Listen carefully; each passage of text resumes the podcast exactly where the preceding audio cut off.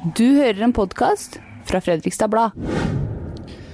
Han er for tiden Østfolds heteste Ap-politiker, og forlater høyst sannsynlig ordførerjobben i Fredrikstad til fordel for Oslo og stortingsplass neste år. Dette er Fredrikstad Blads nyhetspodkast Hør her. I studio sitter Randi Krossoffersen og meg, René Svendsen. Velkommen til oss, Jon Ivar Nygaard, rett fra formannskapet. Jo, tusen takk for det. Sånn aller først, vi må snakke om onsdagens to store hendelser her i byen. Hva var det aller første du gjorde da meldingen kom at det lå elever i sjøen etter kanoveltet i Onsøy? Eh, jeg, eh, jeg, var faktisk eh, der at jeg begynte å sjekke hvor mine egne barn var også. Ja, For de var Fordi, på skoletur? For de var på skoletur. Eller i hvert fall de var på, det, det var skoletur også for dem uh, i den perioden her. Så, men det var ikke mine barn involvert i, da. Men uh, man blir jo veldig sånn det er pappahjertet da som først slår inn når, når sånne hendelser skjer. Men uh, vi var selvfølgelig også minst like opptatt av å finne ut av ja, hvem skole uh, er dette, eller hvilken skole er dette. fordi uh, Det var jo ikke klart i første fase, og vi satt faktisk samla hele kommuneledelsen i en helt annen setting. Og, og, ble sittende og lese på både da ja, VG-nett og FB og alt som var da, for å skaffe oss informasjon. Og så begynte vi selvfølgelig å ringe og sjekke om det var våre egne skoler og hva som var involvert der. Hvor raskt fikk du avklart at barna dine ikke var der? Eh, rimelig raskt, bare noen få minutter. Og så, hva gjorde du etterpå da? Eh, nei, Da fulgte vi eh, dette her eh, egentlig via mediene, men fikk selvfølgelig også raskt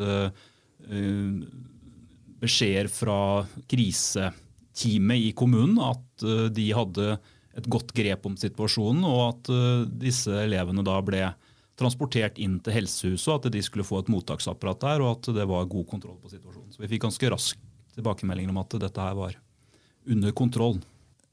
Og uh, så fort redningsaksjonen i Onsøy ble uh, avslutta, så begynte de jammen å brenne på det verst tenkelige stedet i Fredrikstad, i en bygård i gamlebyen. Uh, hva tenkte du da? Nei, jeg må si Da ble jeg veldig, jeg fikk nesten litt hakeslepp. Vi satt da i en lunsj med biskopen, fordi det var ja det er det fortsatt da, bispevisitas i, i Gressvik og Onsøy sogn.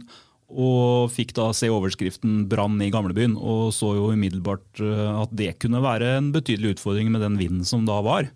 Men også der gikk det heldigvis bra, etter en bra innsats fra brannvesenet. Så, så, godt jobba av dem. Godt jobba alle redningsmenn og alle redningstjenester i distriktet her den dagen. Du er blitt godt vant med suksesser og ros som ordfører i et Fredrikstad som har opplevd veldig mye positiv utvikling de siste ni åra. Men nå er jo vi landets høyeste koronasmittetall, har jo Fredrikstad fått.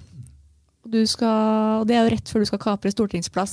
Litt dårlig timing, eller? Ja, kanskje det. Uh, ja, det er jo helt riktig. Nå er jo vi blant de, ja, vi er kanskje røst i landet fortsatt. Da, fordi uh, disse smittetallene har jo vært uh, ekstremt høye i Fredrikstad. Og, og, det skyldes jo det utbruddet vi har. Og det har jo vært både krevende kommunikasjonsmessig å forklare at det i Fredrikstad både har vært veldig trygt, eh, altså på linje med mange andre steder i landet, og selvfølgelig da innafor noen segmenter eh, rimelig eh, tøff smittesituasjon.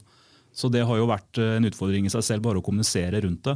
Men det vi har vært mest opptatt av er jo å gripe an situasjonen og få kontroll på utbruddet, og det har vi jo da heldigvis greid. Ja, for det ligger en YouTube-video ute der du er oversatt på arabisk? Ja, og det var jo ikke så rart, fordi her var det jo helt åpenbart for mange, og det var offentlig kjent, at det var flerkulturell bakgrunn på mange av de som var smitta. Og det var også svært viktig for oss å være trygg på å nå fram med budskap om karantene og isolasjon. Så Derfor valgte vi å gjøre det på den måten. Nå er det ikke for så vidt noe nytt at vi kommuniserer på flere språk i forbindelse med koronapandemien, for det har vi gjort hele tiden, men det var en ekstrainnsats fordi vi visste jo at vi hadde veldig mange i karantene. Vil dette koronautbruddet ødelegge for deg i forhold til den jobben du skal inn og gjøre? eller har lyst til å Nei, gjøre? I den grad det har noen betydning, så er det vel stikk motsatt. For det er jo sånn at man får mye kred og, og ros for at vi har håndtert situasjonen og at vi kommuniserte godt i det. Men jeg tror ikke det har noe som helst betydning, egentlig. Dessverre, kan man si. Om ett år så er allting glemt når det gjelder akkurat dette her, så jeg tror ikke det er noe som noen kommer til å legge vekt på. Over til en annen sak som er aktuell i nyhetsbildet. Det var flere ordførere i Norge som klinte til og sa at min kommune kan gjerne ta imot 50 migranter fra Moria alene. Men da du ble spurt av oss i Fredstad Blad om hvor mange du mente Fredstad burde ta imot, så svarte du litt sånn defensivt og politisk eh, korrekt på en gang. Er det den stilen vi kan forvente av deg framover, nå som du må oppføre deg pent for å sikre stortingsplass? Nei, fordi det er ikke noe nytt, egentlig. Vi har i grunnen alltid hatt den tilnærminga i Fredrikstad at vi har sagt at vi tar imot vår andel. Og Det er jo en kursendring i Fredrikstad som vi gjorde for noen år siden. for Da var det faktisk sånn at vi tok imot færre enn det vi ble bedt om. Men så la vi om kursen og sa at vi skal ta det vi ble bedt om av eh, Mangfold- og integreringsdirektoratet. Vi har aldri satt noen merkelapp på hvem vi skal ta imot. Så hvis staten kommer og ber oss om å ta imot noen som kommer fra Moria, så er svaret ja. Eh, hvis det er fra Libanon, så er antagelig svaret ja. Så vi driver ikke og, og klistrer merkelapper på hvem vi skal ta imot, men vi sier at vi skal være rause og ta imot vår andel. Og så skjønner jeg at eh, fra formannskapet i dag så, så har det blitt klart at eh, Fredrikstad eh, egentlig vi ønsker å ta imot flere flyktninger enn det som kommer til å komme til Fredrikstad i år. Hva, hvordan henger det sammen? Ja, Det er helt riktig at På de anmodningene vi har fått, så har vi svart ja, og så er det jo da færre som kommer enn det som vi har sagt ja til er ikke Fredrikstad populært nok? Nei, jeg tror det er det at flyktningetallet inn til Norge er fallende. og Derfor så blir det færre til fordeling. Det blir jo mye valgkamp på deg framover. Men er alt lov i krig, kjærlighet og valgkamp? Nei, jeg håper ikke det. Nei, det er eh, jeg er jo litt opptatt av at vi skal prøve å bevare anstendighet i det politiske ordskiftet. Da. Og det må man jo selvfølgelig reflektere over sjøl òg, men bidrar til bestandig. Men men, men, jeg tror det er viktig at vi har noen, noen, rammer rundt hvordan vi både omtaler hverandre, og at vi fokuserer på sak og ikke person. Og selvfølgelig skal vi være rykende uenige, men det er heller ikke noe godt politisk virkemiddel mener jeg, hvis vi karikerer hverandre for sterkt. Selv om det selvfølgelig vil alltid være et virkemiddel for å få fram forskjellen på politiske retningsvalg, så skal man være forsiktig med å tillegge andre, andre motiver enn det de faktisk har. Ja, for både Fredrikstad, Moss og Sarpsborg vil jo ha deg på Stortinget nå. Det er på bekostning av den sittende Ap-representanten Stein Erik Lauvås fra Marker. Syns du han gjør en dårlig jobb? Nei, jeg har ingen kommentarer til verken Stein eller andre kandidater, for det er jeg midt oppi selv. Og jeg har ikke noe synspunkter på hvem som skal stå på den lista. Jeg har sagt meg uh, å være tilgjengelig for uh, å stå på den lista, og blitt spilt inn av Fredrikstad Arbeiderparti. Og så registrerer jeg at det er flere som har støtta opp under det. Men det vil jo ikke være sånn at uh, uavhengig av utfall, vil jeg si, at det betyr at hvis noen ikke får gjenvalg, så betyr det at da har vedkommende gjort en dårlig jobb. Det vil jo være veldig merkelig tilnærming til det. Og så er vi ennå ikke der i Østfold Arbeiderparti at det er kommet noen listeforslag, så det er litt tidlig å begynne å kommentere det, tenker jeg. Men syns du litt synd på han, altså, men han får så lite støtte fra de store byene? Jeg vil ikke mene noe om hvordan andre kommunepartier eh, forholder seg til andre kandidater. Jeg registrerer at jeg har fått støtte, og det syns jeg er hyggelig. Og selv om en eventuell stortingsjobb for deg ikke starter før eh, neste høst, eh, så antar vi jo at du blir ganske opptatt med å bidra i valgkampen til Arbeiderpartiet allerede tidlig på nyåret. Jeg har vel sett på Facebook-posten din i det siste at du er allerede litt sånn i nasjonal valgkampmodus, hvis jeg skal få lov til å tolke det sånn. Men hvor mye lenger kommer du til å være 100% ordfører i Fredrikstad? Helt til den dagen jeg går av. Ja, altså I praksis også, I, praksis din også. gjerning og den eh, tiden du legger ned i jobben, kommer til å være 100% fram til eh, september neste år? 100 til den dagen jeg går av, men det er det å si om det at eh, det er ingen uh, ukjent tilnærming for meg å drive valgkamp som er retta mot det nasjonale, selv om jeg er ordfører. Det har jeg gjort mange ganger. Og Senest da gjorde vi det i 17, og vi brukte i Fredrikstad Arbeiderparti mange av oss da mye tid på stortingsvalgkampen uten å være kandidater sjøl. Så det er ikke noe nytt for oss, egentlig. Uh, selvfølgelig vil jeg jo i en sånn situasjon bli uh, bundet mer opp i å drive den valgkampen hvis jeg blir kandidat. Det sier seg jo sjøl. Men jeg kommer jo ikke til å legge bort ordførerjobben. Det er faktisk ikke mulig. I din tid som ordfører har eh, som sagt, Fredrikstad hatt eh, veldig god utvikling på mange områder. Hva er du aller mest eh, stolt av å ha bidratt til? Jeg syns nok det er riktig å trekke fram byutviklingen.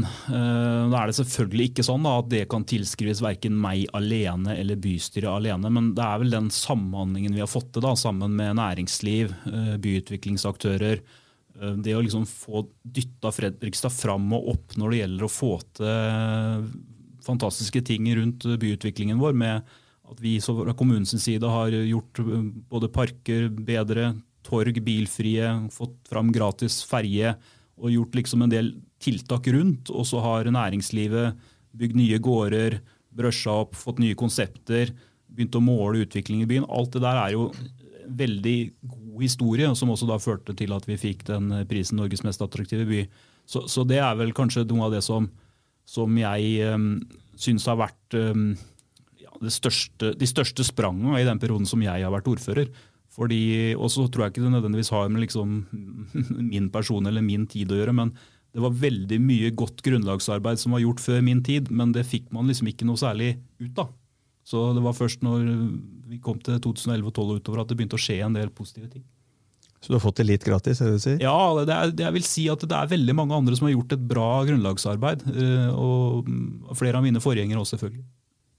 Men er det egentlig Eva Kristin Andersen du har å takke? Nei, jeg vil ikke trekke fram akkurat henne. Nei, Nei det, er, det, er, ikke sånn at uh, alle, altså alle, ordførerne har gjort en bra jobb for Fredrikstad. Og, og, det som kanskje jeg vil trekke fram, er vel særlig de som var ordførere tidlig rett etter kommunesammenslåingen. For da, da var det veldig stort sprik i laget her i Fredrikstad. Og da fikk man laga en god del planer som pekte fram mot den byutviklingen som vi har i dag. Så, så særlig tidlig 90-tall var egentlig veldig viktig for det som har kommet senere. Det har jo vært mange åpninger de siste åra. Hvor mange snorer har du egentlig klippet? Ingen oversikt over, men det er utrolig mange. Er det en litt sånn kjedelig jobb? Eh, nei, det er egentlig ganske artig. Eh, selv om den er veldig lik hver gang. Men jeg har vært utsatt for mange forskjellige forsøk på snorklipping. Én en var jo en slags forsøk på å kappe hodet av meg, hvor jeg skulle sykle gjennom en snor. Det var bare at Den perforeringa som var gjort, den var ikke helt gjennom. Så da var det sånn at man måtte raskt løfte snora opp for at ikke jeg skulle få en ublidt møte med asfalten. Det skulle vi åpne en gang- og sykkelvei. Og Jeg har også vært utsatt for en snorklipping som, hvor det var noen som egentlig drev med bryllupsplanlegging. Så hun hadde da knytt snor sammen men det var bare at for å få det se pent ut, så hadde hun tatt en dobbel knute. Så når jeg og han svenske direktøren skulle åpne den fabrikken, så ble ikke den åpna på den måten som vi hadde tenkt, for da datt altså tingene ned på hver sin side. Så, så, så jeg har opplevd en del uh, uortodokse snorklippinger. Men det har vært artig, det òg. Hva er det som gir deg sterkest følelse av at du ikke har oppnådd det du vil? Sterkest følelse av at jeg ikke har oppnådd det jeg vil? Ja. Ja, Det må jeg tenke litt på. Eh, jeg tenker nok at eh, jeg hadde ønska at vi hadde kommet mye lenger på både det med å utjevne sosial ulikhet og det å løfte levekår i Fredrikstad-samfunnet. Jeg hadde ønska at vi hadde kommet enda lenger på arbeidsplassutvikling. Og så er det selvfølgelig infrastruktur. Det er vel noe av det mest frustrerende jeg har jobba med i hele mitt politiske liv. Eh, hvor det er Sånn at man, um, ja, Kjell Arne Gresdal har brukt begrepet stigespill. altså Vi jobber etter et slags system og en eller annen form for målhorisont. og Når vi kommer et stykke oppover i dette, her, så forandrer da de som egentlig bestemmer spillereglene, spillet. Så Staten har jo gjort det med oss mange ganger.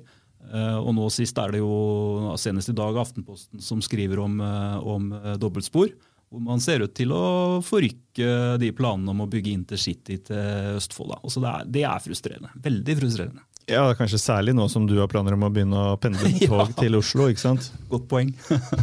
nå er det sånn at Jeg har reist mye tog, selv om jeg ikke har pendla daglig. og Det er jo faktisk sånn at det er ganske god struktur på det der, men, men, men problemet er jo ikke egentlig det. Problemet er jo at vi har jo ikke den kapasiteten vi trenger for å kunne få til den samfunnsutviklinga som vi vil ha på Østlandet. og Det er jo meningen at vi skal avlaste Oslo. Og det får vi jo ikke til hvis ikke vi får opp kapasiteten på banen. Altså jeg, For et øh, drøyt år siden, eh, når jeg var på den alderen du kommer til å være når du sannsynligvis skal begynne å pendle til Oslo, så begynte jeg å pendle til Oslo. Uh, og det varte et år. Ja. ja. Har du tenkt å pendle lenger enn et år? Ja, Hvis man først blir valgt å sitte på Stortinget, så må man jo gjøre det i hvert fall i fire år, da. sånn er det. Jeg ønsker deg lykke til. Jo, takk. Um, vår eh, kollega Øyvind eh, Lågbu eh, skrev i en kommentar nylig at han ikke hadde tall på hvor mange ganger han hadde ringt sentrale Arbeiderpartipolitikere i Fredrikstad og fått beskjed om at du får kontakte noen Ivar, det er han som har oversikten. Er du en kontrollfrik, eller? Nei, det er jeg nok ikke, men jeg har bra oversikt. Men jeg har nok ikke så god oversikt nå som jeg hadde for fire-fem-seks år tilbake. For da var det, det er klart når du, når du kommer fra rollen som gruppeleder, og jeg har jo da jobba eh, i alle år egentlig, siden jeg ble folkevalgt med å liksom lage budsjetter og handlingsplaner og sånn, og da får du en veldig oversikt. Og den har jeg jo tatt med meg inn i ordførerrollen, men jeg har nok blitt mer eh, jeg vil ikke si laidback, for det blir nok feil begrep når det gjelder meg, men mer sånn at jeg, jeg, skjønner at det er noen andre som må ha oversikt over de forskjellige temaene. Så jeg, nok ikke, har nok ikke så god oversikt nå som jeg en gang hadde. Det er jo litt trist å si når man er inne i sitt niende år som ordfører, men sånn er det faktisk. Men hva er det viktigste for deg å oppnå før du stikker til Oslo? Jeg har ikke satt noen sånn uh, målhorisont på det at det er noe som må på plass. Hvis det var noe jeg hadde ønska meg, så var det jo at intercity og jernbane var vedtatt uh, gjennomført til Fredrikstad. Det tror jeg ikke jeg kommer til å få oppleve før jeg eventuelt går av som ordfører. Og Når du da kommer deg til Oslo, uh, hva blir dine fanesaker da på Østfold og Viken sine vegne? Det er jo mange saker som engasjerer meg og selvfølgelig Arbeiderpartiet og folk i Østfold. Men hvis du blir stortingsrepresentant, så er det selvfølgelig det partiprogrammet du går til valg på som Det er jo kjedelig selvfølgelig å si det, men det er det som binder representantene, og det er det du jobber med. Og Da vil jo åpenbart være sånn at eh, det med eh, en trygg velferdsstat som favner oss alle sammen, trygghet i arbeidsliv, trygghet for arbeid og det å skape flere arbeidsplasser blir helt sentrale valgkampløfter inn i den valgkampen vi skal inn i. Og så er det selvfølgelig mange ting her nede i Østfold som vi er opptatt av, og, og særlig på vi må bare si det, at på, på vei, eh, bane, eh, havn, flyplass, så det, ligger jo på mange måter et eh, ja, skal vi si, det, det, ligger, det, ligger, ikke noe igjen da, egentlig til oss. Eh, alle de løftene som vi ble gitt, er ikke innfridd. Eh, vi har verken fått utdyping av, av, av havna vår, farleden, Flyplassen forsvant, uh, jernbanen er i limbo, og bypakken er satt i spill. Og det er, jeg må jo si det, det, er, det er jo ikke noe bra det for Østfold-samfunnet. Og ikke Nedre Glomma heller, for så vidt. Så du vil snakke litt varmt om Østfold? Ja, men jeg tror ikke det gjelder bare spesielt uh, altså Det er sikkert mange som opplever det, da, fra sett fra sine forskjellige områder i, i Norge. Men, men, jeg må jo si det at uh, det å At staten blir en mer forutsigbar samarbeidspartner, det burde jo være noe alle partier var interessert i å jobbe for. Så det er ikke tvil om at det er eh, nok av viktige saker for eh, en politiker eh, med makt på Stortinget å jobbe for. Men ifølge Polo Pols, som er et sånn gjennomsnitt av nasjonale meningsmålinger om stortingsvalget, så blir det ikke regjeringsskifte neste år. Hvordan blir det å gå fra all makt i Fredrikstad til å være en del av mindretallet i opposisjon på Stortinget? Ja, det tror jeg ikke jeg egentlig det er riktig, for jeg vet at Paul og Pauls eh, har ikke sett på det, men gjennomsnittet av meningsmålinger indikerer regjeringsskifte, men nødvendigvis ikke et flertall for den regjeringskonstellasjonen som, som eh, flere partier ønsker seg. Da. Så det blir jo spennende å se. Men ja, det kan skje.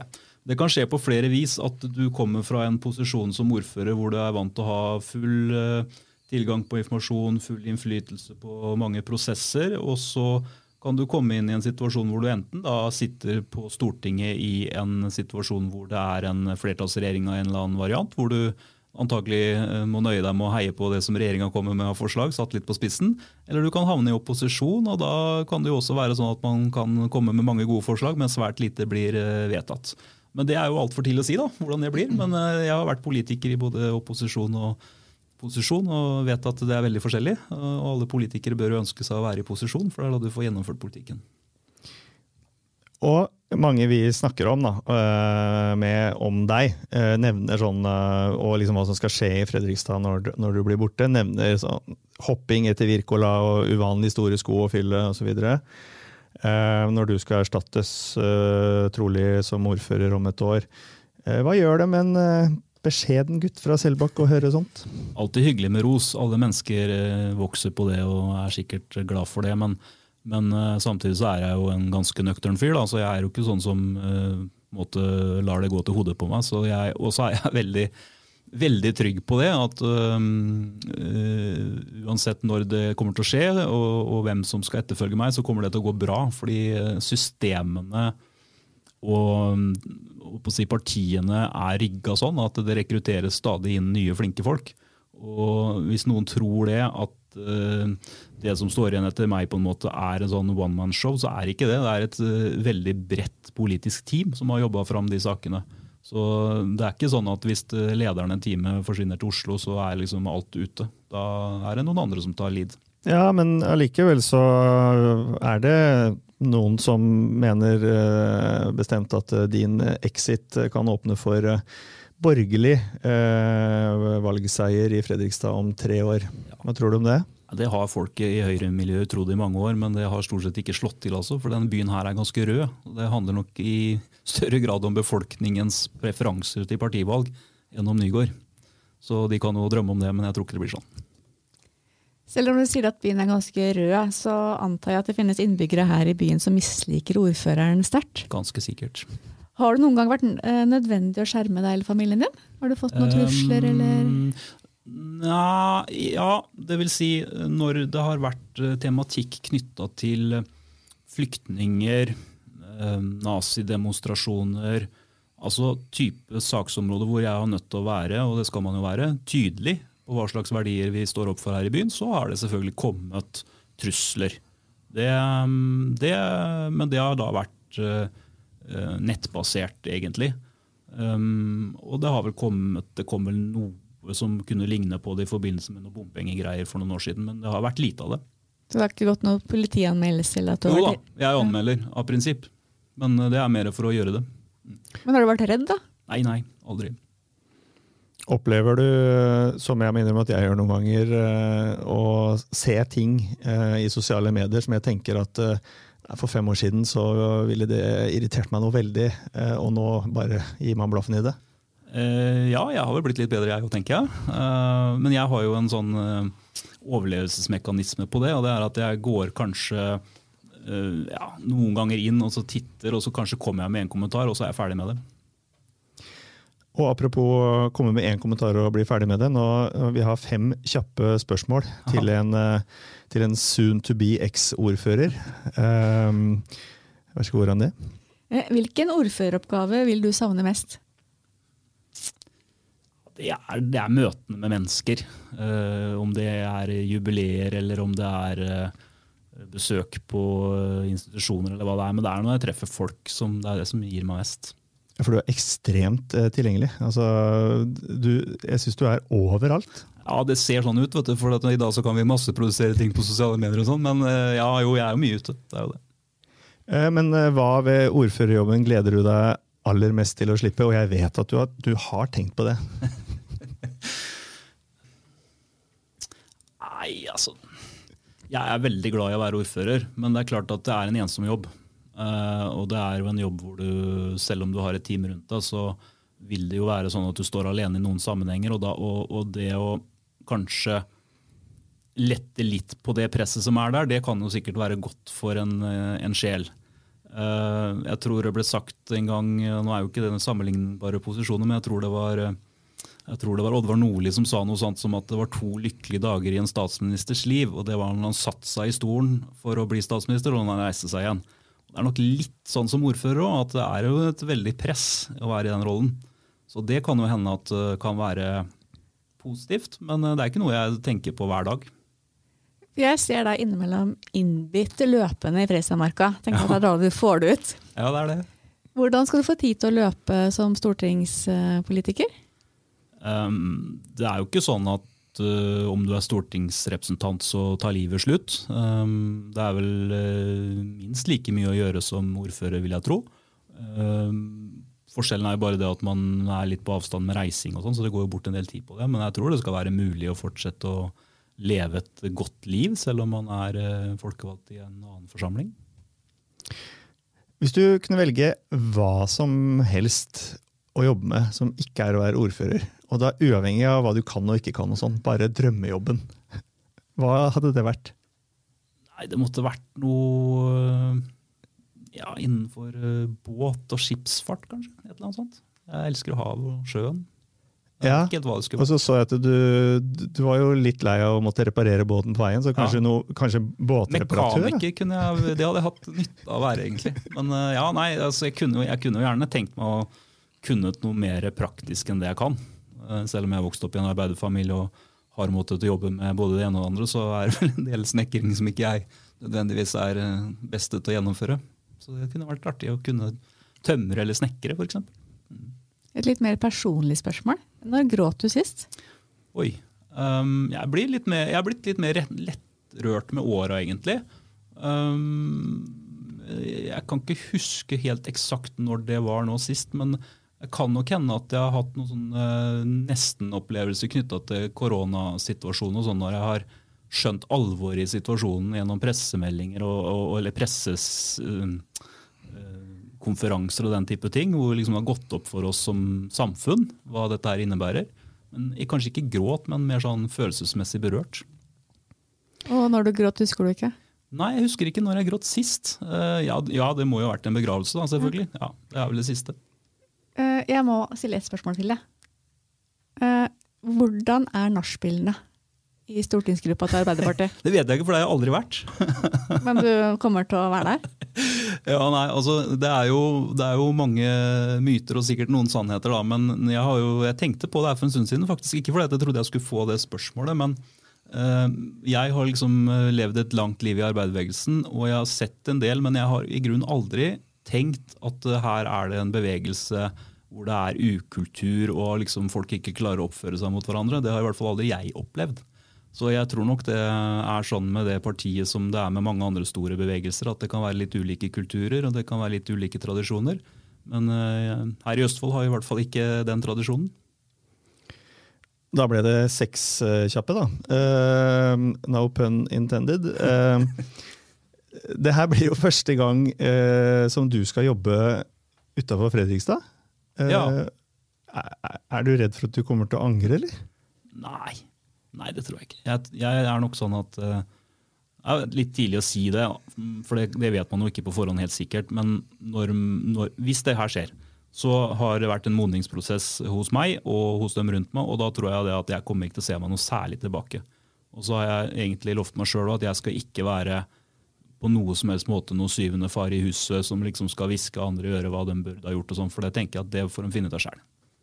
Hva, hva syns du egentlig om Oslo? Er det en sånn by som jeg har inntrykk av at man enten elsker eller hater? Hvor jeg har bodd der? der? Jeg har bodd der eh, under studiene, så jeg trivdes i Oslo. Nå er jo byen vår full av grønne elsparkesykler. Ja. Hva syns du om dem? Nei, det, jeg har litt sånn mixed feelings knytta til disse sparkesyklene. Jeg tenker at det kan ha noe for seg, men det bør reguleres. Altså Det bør være et struktur på det. Um, og så er det vel selvfølgelig litt nyanser i dette her. fordi det kan være et bra transportmiddel som gjør at eh, folk kommer seg hit og dit, men det kan jo også føre til at folk blir eh, si, mindre gående og mindre syklende. Og Da er det jo ikke noe folkehelsegevinst og heller ikke noe klimagevinst i det her. Så det er litt sånn blanda følelser knytta til det. Eh, men jeg registrerer at det har kommet. Så får vi se om det har kommet for å bli. da. Har du testa dem? Ikke her i byen, jeg har testa det i Bergen. Så du skal snart kjøpe? Nei, det skal jeg ikke. Nei, det, nei, det ligger ikke for meg. Og du bør jo helst venne deg veldig til det, for du skal jo inn til byen hvor de ligger strødd overalt. Der er det høy tetthet, det har jeg registrert. Jaggu er vi ferdig. Eller vent, nå sa jeg jaggu, ja. og det er jo ikke lov. Eller Nei, ikke, bys, ikke bystyret i hvert fall. Hvorfor er det ikke lov å si jaggu i bystyret? Nei, Det er jo sånn at uh, det er noe som heter parlamentarisk språkbruk, eller kanskje skikk og bruk i politikken. og Det er jo at vi har et uh, jeg vet ikke om vi skal kalle det et normert språk, men i hvert fall en høflig tale. Og det gjelder alle. Uh, og så er jo det et skjønn da, som ordføreren skal utøve. Um, og det er vel ikke noe hemmeligheter enn at jaggu er ikke så veldig sterkt kraftuttrykk for oss fra Selbakk, egentlig. Men, uh, men, det er jo ikke Selbakk som er eh, målestokken her heller. Så, så, så, vi, så, vi, må jo ha litt, sånn, litt, struktur på det som det er i bystyret. Og det handler jo egentlig om at hvis det blir for hard ordbruk, så kan tonen bli for tøff. rett og slett. Da eh, avslutter vi det formelle intervjuet, Jon Ivar. Så skal vi gå over til eh, en eh, sånn fast spalte som Rønne og jeg har på, okay. på slutten av disse podkastene. Og det er at eh, vi kommer med hver vår anbefaling. Ukens anbefaling, som kan være hva som helst. Okay. Eh, og vi har jo forberedt oss eh, litt, så hvis du kommer på noe du har lyst til å anbefale folk mens vi prater, så skal du få lov til det. er det alt innafor? Ja, alt er innafor. Ja, ja. Uh, vi begynner med Randi.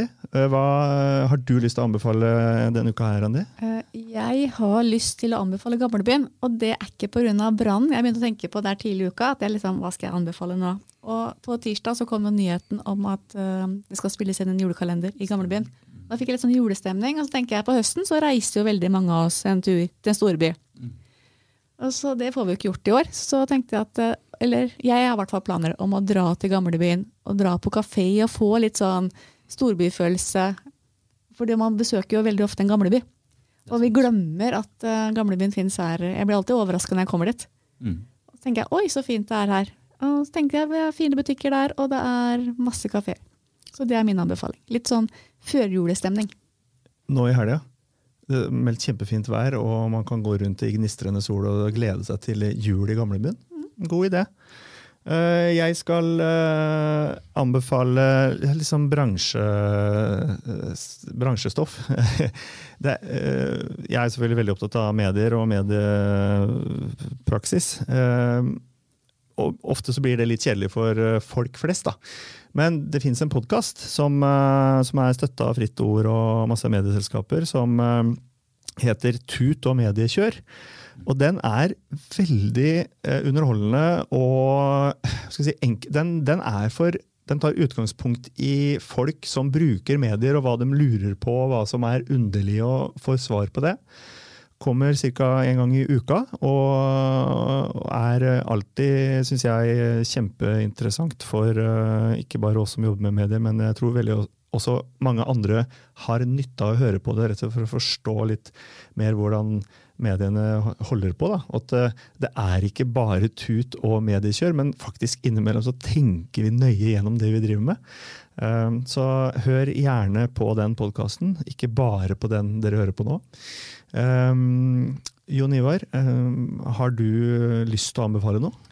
Ja, jeg kunne vel tenke meg å anbefale byens innbyggere om å bruke skog og mark. Det er en fin tid på høsten å gå tur i skogen, eller løpe, eller hva man måtte ønske. Det, Men det bør ikke stoppe deg å slå en prat, for du vil helst løpe i fred. ikke sant? Hvis jeg løper, så vil jeg helst løpe i fred, men jeg kan jo si at jeg brukte da ca. ti minutter ekstra på å komme meg hit nå, for jeg gikk og prata med folk gjennom gågata, så det er hyggelig. Jon Ivar i Fresamarka ser rett fram. Rett fram. Ja, konsentrerer meg. Kjempebra. Eh, været er i hvert fall eh, der, eh, så det er ingen annen unnskyldning for å, for å holde seg hjemme. Vi kan stole på det. Eh, ja, altså uh, nå tror jeg det holder med å lese symbolvarslene på Yr. Man behøver ikke lese tekstvarselet i helga, for det er ikke noe sånn skjult uh, brått, eh, Vindkast. brått vindkast. Tusen takk for at eh, du tok deg tid til å komme hit, eh, Jon Ivar eh, Nygaard. Bare hyggelig.